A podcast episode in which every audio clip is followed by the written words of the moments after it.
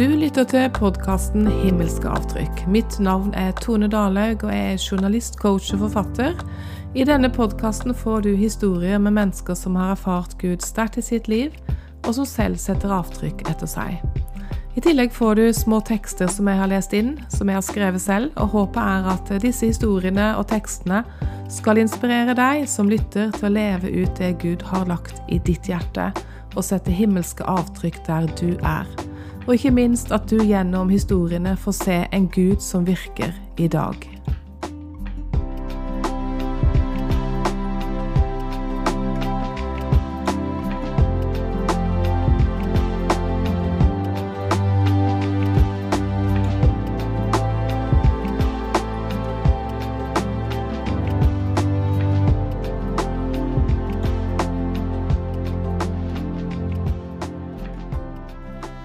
I denne ukens episode får du møte Roger Gilemoen, Emmy-nominert animatør, vinner av Hedda-prisen, multikunstner og visual effects supervisor.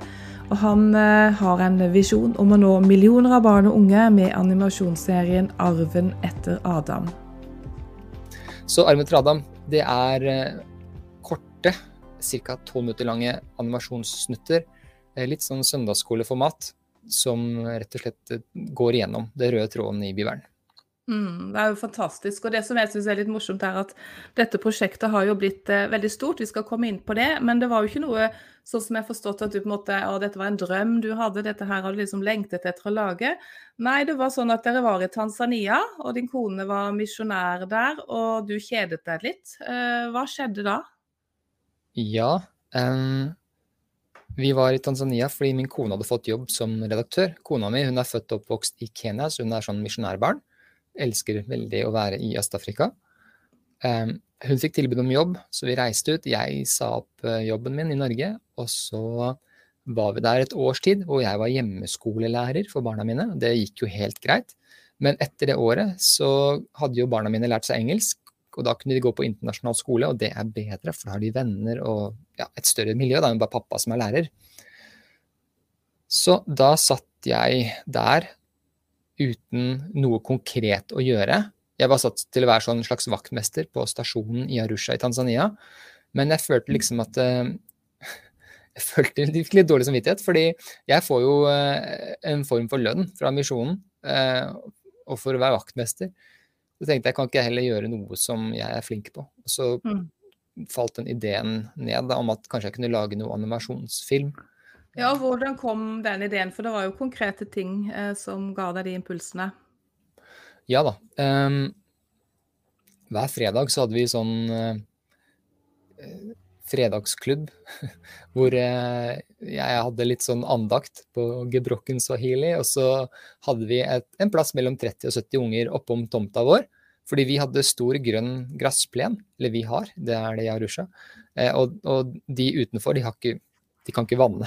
De, de, vanner ikke, det er ikke et tema. Så vi spilte fotball, vi hadde husker som jeg fiksa, så de leika, og vi bøker. Masse unger eh, hver fredag. Veldig hyggelig. Eh, dette er veldig, egentlig nokså fattige barn. Og det jeg fant ut da, var at eh, nummer én, mine fordommer om at barn i Afrika er annerledes enn barn i Europa, det var jo feil. De er helt like. Så de liker de samme tingene. Um, og så nummer to, så fant jeg ut at de det de ser av underholdning. Det er ikke mye, eh, men det de ser, det er det som vises. Og det er ikke noe sånn aldersgrense og, og den praten der, den finnes ikke ennå. Så de ser på Rambo og sånne gamle actionfilmer fra 80-tallet. Alt som er egentlig billig, som kan sendes. Eh, og masse piratkopier og sånn. Så eh, de får med seg ganske mye vold, voldsomme greier. Så tenkte jeg hadde det ikke vært fint å på en måte bare lage noe. Eh, på swahili, som ikke er altså engelsk, da, på et språk de forstår, som de syns er stas å lage tegnefilm, egentlig. Så det var litt sånn der det starta så forsiktig, der ble på en måte ideen sådd. Mm, og derfor også starter det med, med språket swahili. Og det er jo altså bare på swahili så forstår jeg det er millioner av barn du kan nå, og unge. Ja, det er Du kan si i Norge så har vi en sånn her alderspyramide som er ganske sånn flat. At liksom, du har like mange som er eh, 0 til 5, som er altså, seks til ti, og så hele veien oppover. Så det er like mange pensjonister i Norge som det er unge mennesker, så å si. Det er ikke en stor forskjell. Mens i Tanzania så er det helt annerledes. Du, Den ser sånn ut. Hvis du møter en 80-åring i Tanzania, så er det oi, spennende. Fordi i Tanzania så er det åh, Nå har ikke de tallene i hodet, men jeg lurer på om vi snakker bortimot var det 60 da, som var under 24 år. Mm. Eh, fordi rett og slett eh, helsesystemet og sånt funker ikke så bra. Mm. Så eh, det er mange, dessverre, som mm. faller av etter hvert. Så det er en kjempestor gruppe med barn. Mm. Og eh, swahili er et litt sånn samlespråk for Kenya, Tanzania. Det snakkes også litt i Etiopia, litt i Kongo og litt i Somalia. Så det, mm. det, snakkes flere steder. Så det er mange som forstår swahili. Så da får du poenget. Ikke sant. Det er jo fantastisk. Men har du, har du, du har jo um, Eller hva skal jeg si Potensialet med denne serien er jo, er jo ikke bare Øst-Afrika. Jeg tenker jo Europa er jo så avkristne av barn i dag. altså Nå hørte vi hvor nylig var det, hva, hva, slags minister var det? Skoleminister, er det det heter nå? Altså Hun visste, en av disse ministrene som ikke visste Eh, kunne ikke nevne tre bøker i Bibelen og trodde juleevangeliet var en bok i Bibelen. Og så tenker jeg Når voksne har så lite kunnskap, så har vel barna enda mindre kunnskap. Hvordan tenker du om det potensialet i Europa og Vesten? Ja, Det som du sier der, det har gått opp for meg også litt. At uh, det er et kjempepotensial. Det var ikke tanken eller ideen da jeg startet dette i det hele tatt. Uh, så jeg hadde på en måte helt tatt hatt fokus mot Øst-Afrika. Men de som har sett piloten som jeg lagde selv, og nå første episode, de har jo en helt annen oppfatning, og jeg ser jo det selv òg, at det Vet du, det har jo ikke noe å si. Altså, jeg ser på filmer fra Amerika, stort sett. Det betyr jo ikke at de er lagd kun for amerikanere. Så, så, vi snakker et universelt språk her, og vi kan jo dubbe tegnefilm. Det har blitt gjort mange ganger før. Så absolutt, dette kommer også til å komme på norsk. Og det som er litt gøy, er at det, siden formatet er ca. tolv minutter, så passer det inn i eh, f.eks. søndagsskolen. Da. Eller eh, også et skoleopplegg for den saks skyld. Men la oss si da du ser en film på tolv minutter i søndagsskolen, og så lager vi andakter til hver episode, som er på ca. fire minutter. Så da har du kvarter 16 minutter ish med opplegg. Det er jo et enormt potensial. Eh, men hvordan det var, en, det var, egentlig noe som bare jeg ikke har tenkt på før intervjuet, men hvordan gjør dette synlig? Hvordan få det ut? Nå vet jeg at du har jo mye gode folk med deg, som vi skal komme inn på, da. Men, men mm. Eh, har du noen strategi, eller dere noen strategi på det? Eller har det vært mest å få produsert denne serien som har vært fokuset ditt til nå? Ja, det er kjempespennende spørsmål. Eh, det her er jo utrolig vanskelig. Det å komme seg ut og bli lagt merke til, det er kjempevanskelig. For det fins jo også annet godt kristent innhold som du aldri har hørt om som allerede finnes. Eh, selvfølgelig. Nå er det sånn at um, jeg, okay, jeg, jeg, jeg, sikter mot eh, en del folkegrupper som ikke er veldig nådd. Um, og der jeg gjør det, der tror jeg det er lettere faktisk å få stort nedslag enn der i Norge. Fordi i Norge så har du så enormt stort press hver dag på alle som ønsker oppmerksomheten din. Um, mens hvis jeg f.eks. går til et land hvor det er eh, lite eller ingen underholdning per i dag, så vil det lille jeg gjør, synes. Jeg har et eksempel for deg. Da jeg lagde piloten i 2019, så brukte jeg 900 norske kroner i promotering. Det er ikke så veldig mye penger. Eh, og da satte jeg det til å kjøre ut i Kenya, Tanzania, Etiopia og Somalia. fordi måte, Det var liksom de fire nærmeste landene hvor de snakket uh, swahili. Og så tenkte jeg, Etter en halvtime tenkte jeg hm, kanskje jeg burde ta bort Somalia, for det er jo utelukkende øh, muslimsk land. Og dersom de ser at jeg bruker reklame mot de, kanskje de opplever at det er noe sånn her, um, direkte mot de. Så da skrur jeg av det, og så ser jeg at i løpet av den, den halvtimen som denne reklamen har gått, så har det vært 70% treff mot Somalia av de som har sett det. Og det sier noe om at eh, av fire land så er det ingen som gidder å bruke penger på å lage reklame mot disse menneskene. Så dersom vi nå har tre episoder ferdig, som er hele Edens tema, og, og bruker la oss si 10 000 kroner, da, og faktisk gjør reklame mot til og med Somalia, men også Kenya, Tanzania og Etiopia, så er det jo vi får jo et, et, et kjempestort treffområde. Jeg fikk jo eh, ca. 50 000 eh, visninger da, på episode 1 ved å bruke 900 kroner i, um, i promomaterialet.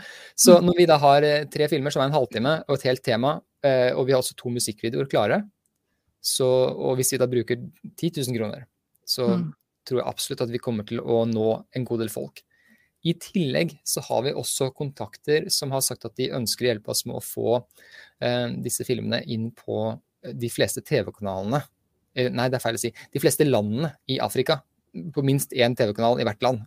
For det, allerede, det, finnes allerede kontakter som, som har de distribusjonsmulighetene. Mm. Da snakker vi nok ikke TV 2 og NRK, vi snakker nok eh, kristne kanaler, tenker jeg. Mm, Men det er for en, en kjempegod start. Og så har vi Sat7, som kjører satellitt i Midtøsten. De har også sagt at de ønsker å, sende dette her. Så det kommer til å bli distribuert. Eh, vi kommer ikke til å få noe herredømme i verden. Det, vi er konkurrerer med alle andre. Mm, wow. Veldig interessant dette her. Og så tenker jeg eh, for deg personlig, liksom. Altså, det er jo veldig fristende for oss mennesker å nå ut der man kan få mest oppmerksomhet og mest anerkjennelse. Og kanskje, jeg vet ikke, hvordan, hva tenker du om det? Eh, det er, kanskje, det er kanskje lettest i Vesten, men der er det også større konkurranse, som du sier. Større marked. Eh, kanskje er det ikke like mye priser og anerkjennelse å hente eh, hvis du når ut over hele det afrikanske kontinent, men det er kanskje heller ikke det er kanskje ikke anerkjennelse som er målet ditt? Nei, det er jo ikke akkurat det. Det var, det var, ikke det som var meningen. Jeg prøvde lenge faktisk å bruke sosiale medier uten å ha ansiktet mitt på sosiale medier. Og det er kjempevanskelig, fordi du må ha et ansikt. Eh, jeg, tenkte, jeg, jeg prøvde liksom å tenke sånn eh, Nå skal jeg bare fronte bibelhistoriene, bare figurene og sånne ting. Men det var eh, begredelig. I det øyeblikket du bruker et ansikt, så folk trenger noe å hekte det på. Så det er, det er dessverre sånn det er. Ja, Det er veldig interessant. Det er også min erfaring at uh, man får mer oppmerksomhet når man uh, kjører et ansikt av seg selv på en annonse enn uh, en, ja, et illustrert bilde da, på et tema, rett og slett. Så det er veldig interessant, det ja. Um, skal vi se, Vi kan komme litt inn på det med penger, Roger. For det, du snakket jo om det. penger og annonsering. Og det som er litt artig, er jo at dette var en liten idé i ditt hode. Fortell litt om hvor lite det var. og hvordan det på en måte har vokst seg så stort. Ja. Um, All right. Jeg har alltid vært veldig begeistra for å jeg, blir veldig engasjert, og så gjør jeg ting. Uh, og jeg kan få til ting uten å ha veldig mye midler. Så på det, da, på det tidspunktet i Tanzania da jeg fikk lyst til å, å lage dette her, så hadde jeg kjøpt tre sånne spesielle motion capture-drakter fra Kina. Som gjør at jeg kunne liksom bevege meg, og så fikk jeg andre ting til å bevege seg samtidig så, så, så når jeg da begynte å skrive historien, så planla jeg for å aldri ha mer enn tre figurer samtidig på skjermen, slik at det kunne funke med disse tre draktene. Um, og så lagde jeg et budsjett som jeg ga til NLM. Det var på rundt 120 000, tror jeg. Som inkluderte da skuespillere, lønna deres, uh, mat til de. Um, det var noen dataprogrammer inni der ja, å betale musikkmennesker osv. osv. Um, og NLM synes jo at det var et greit budsjett, det var mye penger, men allikevel, det var greit så lenge vi fikk gjort det vi skulle gjøre. Um, og så hadde jeg ble, ble, invitert til å komme til uh, Kenya, for jeg var i Tanzania, for å snakke med noen folk fra Norea. Jeg visste ikke hvem Norea var på det tidspunktet. Um, så jeg reiser dit, og så holder jeg en pitch. En pitch er et innsalgsmøte. Og da husker jeg at det, eh, på det innsalgsmøtet så leste jeg fra eh, tema fire, som er eh, baby Jesus og Maria og Josef. Og så ble de mm. veldig engasjert. De ble veldig grepet av det manuset.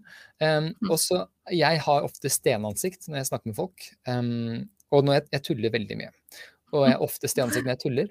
Så jeg følte at jeg inni meg så følte at det ble så god stemning så jeg sa noe sånn som at ja, men kan ikke dere bare gi meg en halv million, da? Eh, så kjøper jeg det samme utstyret som jeg pleier å bruke i Norge, i stedet for de draktene som jeg hadde som ikke funka så bra fra Kina. Eh, og så var det ingen som lo. og, så, og, så, etterpå så fikk jeg en e-post hvor de sa kan du forklare hvorfor du trenger så mye penger, og kunne du kjøpt dette her brukt i, i Øst-Afrika? Det var, det var tøys, tøys, fra deg, men de tok det på alvor? Ja, ja, men det var jo så bra. Altså Det som skjedde da, var jo at vi vi kjøpte jo det som vi kaller for motion capture-utstyr, som er dette utstyret som vi bruker for å fange opp de bevegelsene. Eh, vi fikk det importert til eh, Tanzania. Tok lang tid, fordi jeg hadde aldri sett det før i tollen. Masse mas. Um, og det som skjedde da, var at på en måte jeg følte at jeg hadde sittet i førersetet fram til da og styrt prosjektet, sagt hva jeg trengte av penger, jeg, dette, var min, dette, var min, idé, dette var min ramme. Men nå plutselig så ble alt veldig mye bedre da, enn det jeg hadde planlagt. Mm. med det utstyret som jeg fikk nå, så kunne jeg få en bevegelsesfrihet. Så figurene, altså skuespillerne kunne gå rundt, de kunne hoppe, løpe, ta hverandre i hånda, løfte hverandre opp. Det er veldig mange ting som jeg egentlig Jeg hadde egentlig tenkt å lage litt mer sånn at man sitter sånn Hei, hvordan har du det? Og så beveger man hendene, og så står mm. vedkommende på andre siden og svarer helt fint. Men nå mm. kunne jeg på en måte få full interagering hvor folk kunne løfte hverandre opp i lufta. Altså det ble, det ble et helt annet Det ble en helt annen dynamikk. Mm. Og um, det ble et helt annet budsjett. det bare, det var, altså De 100 000 det holder jo ingenting. For nå måtte jeg inkludere masse mennesker. Jeg måtte, jeg måtte ha med masse folk for å gjøre, ferdigstille dette her. Mm. Jeg, jeg, lagde pilotene selv på ni måneder. Eh, men det, det, ville tatt mange år om jeg skulle gjort alt det ferdig selv. Eh, mm. jeg ville jo vært ferdig med episode kanskje fem nå, hvis jeg hadde gjort alt selv på de årene. Mm.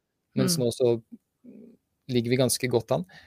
Men iallfall, dersom jeg hadde kommet til NLM i 20 var det 17-2016 da jeg foreslo dette budsjettet, og sa til de hei, jeg har lyst til å lage 25 animerte episoder, det kommer til å koste ca. 12 millioner kroner, så ville de sagt kan du ikke heller skrive en bok, her får du 10 000 kroner. Så, så, på måte, så, på en måte, så lurte jeg alle sammen. Jeg lurte meg selv, og jeg lurte NLM, og jeg lurte Norea. Og nå sitter vi her med et kjempefint produkt som ikke hadde skjedd dersom uh, ikke hadde lurt alle sammen. Det er fantastisk. Og nå syns jeg jeg leste at det var oppe i 12 millioner sånn, hvis man skal lage ferdig alle disse episodene, som du tenker. Det er det. Ja, det er jo enorme summer, selv om du sier at det er ingenting i forhold til det de som uh, jobber i de store medieinstitusjonene. Nei, jeg, sjekket hva den her eh, Disney-filmen Up, som kom for noen år siden Jeg tror den hadde et budsjett på 1,7 milliarder. Ja. Så mm, det er en god del mer. Eh, enn det vi har. Det, det, er en god del mer. og Samtidig er dette er et misjonsprosjekt. De kobler seg på både NLM og Norea, da, som jo driver med mediemisjon. De kobler seg tydeligvis på dette som et, et misjonsprosjekt. da. Det har de gjort. Um, ja, jeg vet ikke om de angrer, men jeg føler at det går ganske bra nå. De, jo, de, de får jo til innsamlingen. Så langt så har vi brukt ca tror vi har brukt rundt en fire millioner. Og jeg tror de har mm. samla inn omtrent det, så det har gått veldig veldig fint foreløpig. Mm, mm. Eh, og, og, da har vi måte gjort ganske mye forproduksjon. da. Vi ligger, vi ligger liksom ute i David og Goliat-episodene. Driver og mm. Jeg syns det er litt fascinerende det her med at ikke ting er planlagt og liksom denne man målretter. Altså mange, mange, kan jo oppleve å virkelig bli brukt av Gud gjennom en sånn målrettet idé over lang tid, men, mens for deg har det vært annerledes. og hva tenker du på en måte om uh, Guds ledelse og dette her oppi, oppi dine erfaringer? Det har liksom ja. bare Ja. Vi er jo alle, alle mennesker er utrolig forskjellige. Uh, jeg er nok en nokså kreativ person. Jeg kan være litt vimsete, men jeg, jeg, kan være ganske organisert på jobben. Det går veldig fint.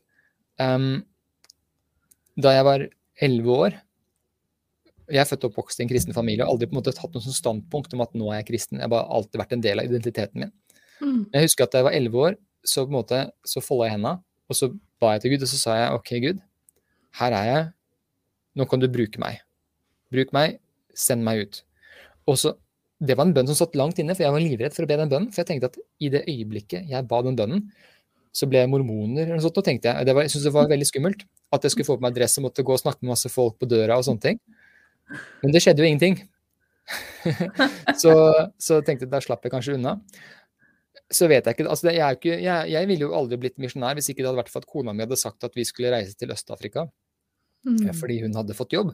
Så dette er jo helt tilfeldig.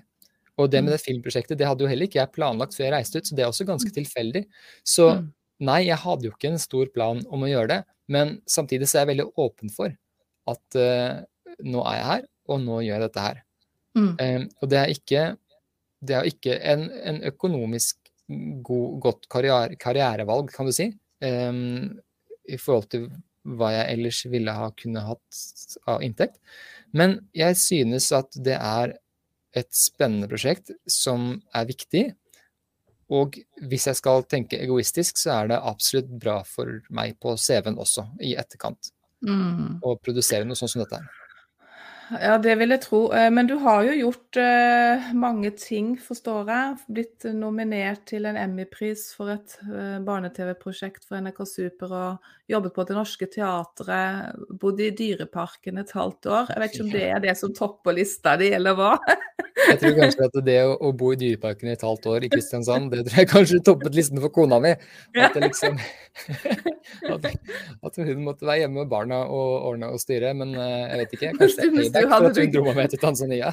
Ja, så ja, hun var hjemme, men så bodde du med blant ja, dyr og røvere i Kardemommeby? Ja, det var det. Da jobbet jeg på denne Kardemommeby-filmen som kom ut nå for noen måneder ja. siden. Eller ikke så, jul, da. Så, så, hvis du på en måte eh, ser dette litt, og jeg vil tro du tjener eh, atskillig bedre på de prosjektene der øh, og jobbene der øh, Nå kan du jo sammenligne det litt, du er kanskje i en tidlig fase ennå, du vet jo ikke helt frukten av dette her. Men, men Går det an å spørre hva, hva oppleves best, på en måte? Og det er faktisk veldig vanskelig å si. Eh, mm. Fordi du kan si at hver ting har sine fordeler og ulemper. Eh, jeg opplever mye glede i det jeg gjør nå, men også veldig mye frustrasjon. Fordi mm. jeg jobber med et veldig lite budsjett, og det betyr at veldig mange av de jeg jobber med, de er studenter eller ufaglærte. Så jeg har lagd ekstremt mange sånne opplæringsfilmer. og Jeg snakker mye med folk og, og forteller dem hvordan de skal gjøre ting. Fordi du kan si at noen har et kunstnerisk talent, men de, de vet ikke teknisk sett hvordan de skal gjøre en ting. Og da ser jeg at ok, flott, jeg har råd til å leie denne personen i så og så mange dager. Fordi, og han har et kunstnerisk talent, men det tekniske er ikke der. Um, altså jeg, jeg, har jo eksempelvis hatt muslimer inne i produksjonen, selv om dette er en kristen produksjon, som er utrolig gode kunstneriske, og så har de hatt nesten det mesteparten av det de trenger av teknisk, men så har vi hatt en god dialog, jeg har lært dem masse, og de har gitt meg utrolig fine design tilbake. Um, så jeg opplever mye frustrasjon i denne jobben her. Rett og slett fordi jeg jobber med folk som ikke alltid har den utdannelsen de skulle hatt. Mm. Når jeg jobber på et kommersielt prosjekt i Norge eller andre steder, så jobber jeg stort sett bare med folk som har kommet gjennom nåløyet, som er veldig gode. Mm. Så, så det, en, det, å jobbe med flinke, kreative folk, det er, det er, noe av det morsomste jeg vet. Det er så gøy. Mm. Så kanskje, kanskje den jobben her nå er en det er en tung bør. Det er, my, det er, mye ansvar. Det er tungt, det er slitsomt å få det gjennom. Det blir bra, men det er slitsomt. Kanskje mm. i neste runde, hvis vi har klart å overbevise Norge, det kristne norske befolkningen, og kanskje andre i verden, at uh, dette får jeg til. Mm. Men gi meg et kommersielt budsjett som er i hvert fall ti ganger større. Mm så kan jeg få lov til å slappe av litt, og så får jeg bare skikkelig gode folk hele tida. Det, det, hadde vært veldig gøy. Det hadde vært veldig gøy. Hva ser du for deg da, Roger? Hva, har du noen idé om hva du da ville gjort? Ja, altså eh, OK. Mitt drømmescenario er å få tak i fem nerder, sånn type en som kan alt om Israel, en som kan hebraisk, en som kan hele Gamletestamentet. Altså, du bare, du bare får tak i masse sånne flinke folk på fagfeltet sitt, og så sier du jeg har lyst til å fortelle historien om og så må du ta profetene, for profetene er liksom de som er viktigst for uh, både muslimer og for kristne, eller for muslimer, da, unnskyld, mens de peker på Jesus. Så det har vært utrolig gøy å lage liksom, en film om uh, Moses, eller et eller annet, eller kanskje uh, ikke, ikke, kong David, men altså profeten David, f.eks. Altså noe som en muslim har hørt om. Um, og så bare hatt det teamet med nerder først, som lager et godt manus som er uh, fail proof. Og deretter uh, få et godt team rundt meg, hvor alle kan jobben sin. Slik at jeg kan få lov til å kommentere på de kunstneriske aspektene ved ting, istedenfor å kommentere på de tekniske aspektene ved ting. Det hadde vært utrolig gøy. Mm. Men hva ville du laget da? Altså ville det vært, Du nevner jo Israel og profeten og alt. Ville det vært bibelhistorier, eller det, ser du for deg, hva slags prosjekt ser du for deg da? Um, jeg ville Jeg tror at etter Arven etter Radium så tror jeg jeg kommer til å lage et kommers, kommersielt prosjekt hvor det bare er et eventyr for å få en pause. Og så kunne jeg gått tilbake igjen og gjort et nytt prosjekt, f.eks. med Norea. Uh, mm. Og da ville det jo vært en fortsettelse, antageligvis. Fordi arven etter Adam, det er jo en samletittel. Hvor, Mm. hvor den egentlig rommer alt som kommer etter, etter Adam. Og hvis du har lest Bibelen, så er det helt på side én. Så da er det mye rart å ta tak i etterpå. Mm. Mm. Så Mm, jeg tror, men jeg tenkte også på at når noen, eh, hvis ikke man vet hvordan det er å jobbe med det her, da, og jeg vet jo ikke så mye om det selv heller, så kan man tenke at det er eh, noen som sitter og jobber med, med disse figurene, men du har jo faktisk samarbeidspartnere over hele verden. Det har jeg. Vi er er en god gjeng. litt om det. Ja, fortell litt om det. Ja, dette er jo utgangspunktet med at uh, nummer én, jeg startet prosjektet da jeg jobbet i Tanzania. Så um, da så jeg meg etter samarbeidspartnere som var på den samme økonomiske sonen som jeg var i. Fordi budsjettet mitt var så lite. Så jeg begynte å se til folk i Øst-Afrika og India for å finne folk som jeg kunne jobbe med. Um, deretter så fikk jeg jo et større budsjett, men det budsjettet var basert på at jeg egentlig da hadde en økonomisk ramme for Tanzania. Så jeg har fortsatt lett etter personer som kan gjøre en jobb på det budsjettet jeg har. Og da har jeg fått folk fra Altså jeg har han som lagde simulasjoner av vannet, at det beveger seg, i Edens hage. Han er fra eh, Skal vi se, det var det Tyrkia det var. Um, og så Jigit heter han. Og så har vi han som, vi har en som har gjort masse ansiktsanimasjoner og får det til å bevege seg. Han er fra jeg tror det var Ghana. Og så har vi eh, art directoren min, Jason. Han er egentlig en brite som har bodd elleve år i Tanzania. Nå bor han i Belgia. Um, ja, så har vi Lyman fra Tanzania som rigger. Han har egentlig lyst til å bli apotekar, men han får mye bedre betalt av å jobbe med meg, så han gjør det akkurat nå. Um, og så har vi masse folk fra India som ikke husker navnet på, fordi det er Jason, min art director, som tar seg av de, og de lager klær og eh, hår og alt mulig rart. Og så har vi en god gjeng i Slovakia som sitter og på en måte limer sammen alt sammen. Da, det er jo utrolig. Det må jo by på mange utfordringer. og kunne sikkert snakka masse om det også. Men jeg bare tenkte på det her med misjon, da. En ting er jo serien og hva den skal eh, Hva slags budskap og hvem den skal nå. Men eh, du når jo da mange ulike mennesker i ulike land med sikkert ulik tro og bakgrunn, med, også med dette budskapet. Har du noen eh, hva skal jeg si, erfaringer på at det berører, eller at det gjør noe med det, eller at det stilles noen spørsmål, på en måte? Ja, det gjør det. Absolutt. Eh, to forskjellige ting jeg kan trekke fram der. Eh, det ene er at jeg hadde en muslim som jobbet med klesdesign. Han var vel fra Pakistan. Um, det var i koronatiden.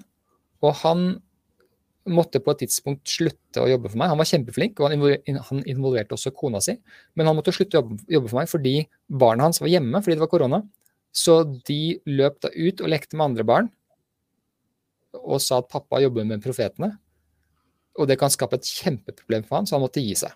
Det var veldig dumt, han var utrolig dyktig, men han satte en kjempebra standard for hele prosjektet fordi han gjorde så god jobb i starten, for han gjorde klærne til Abraham og Sara. Så han gjorde de første. Mm. Um,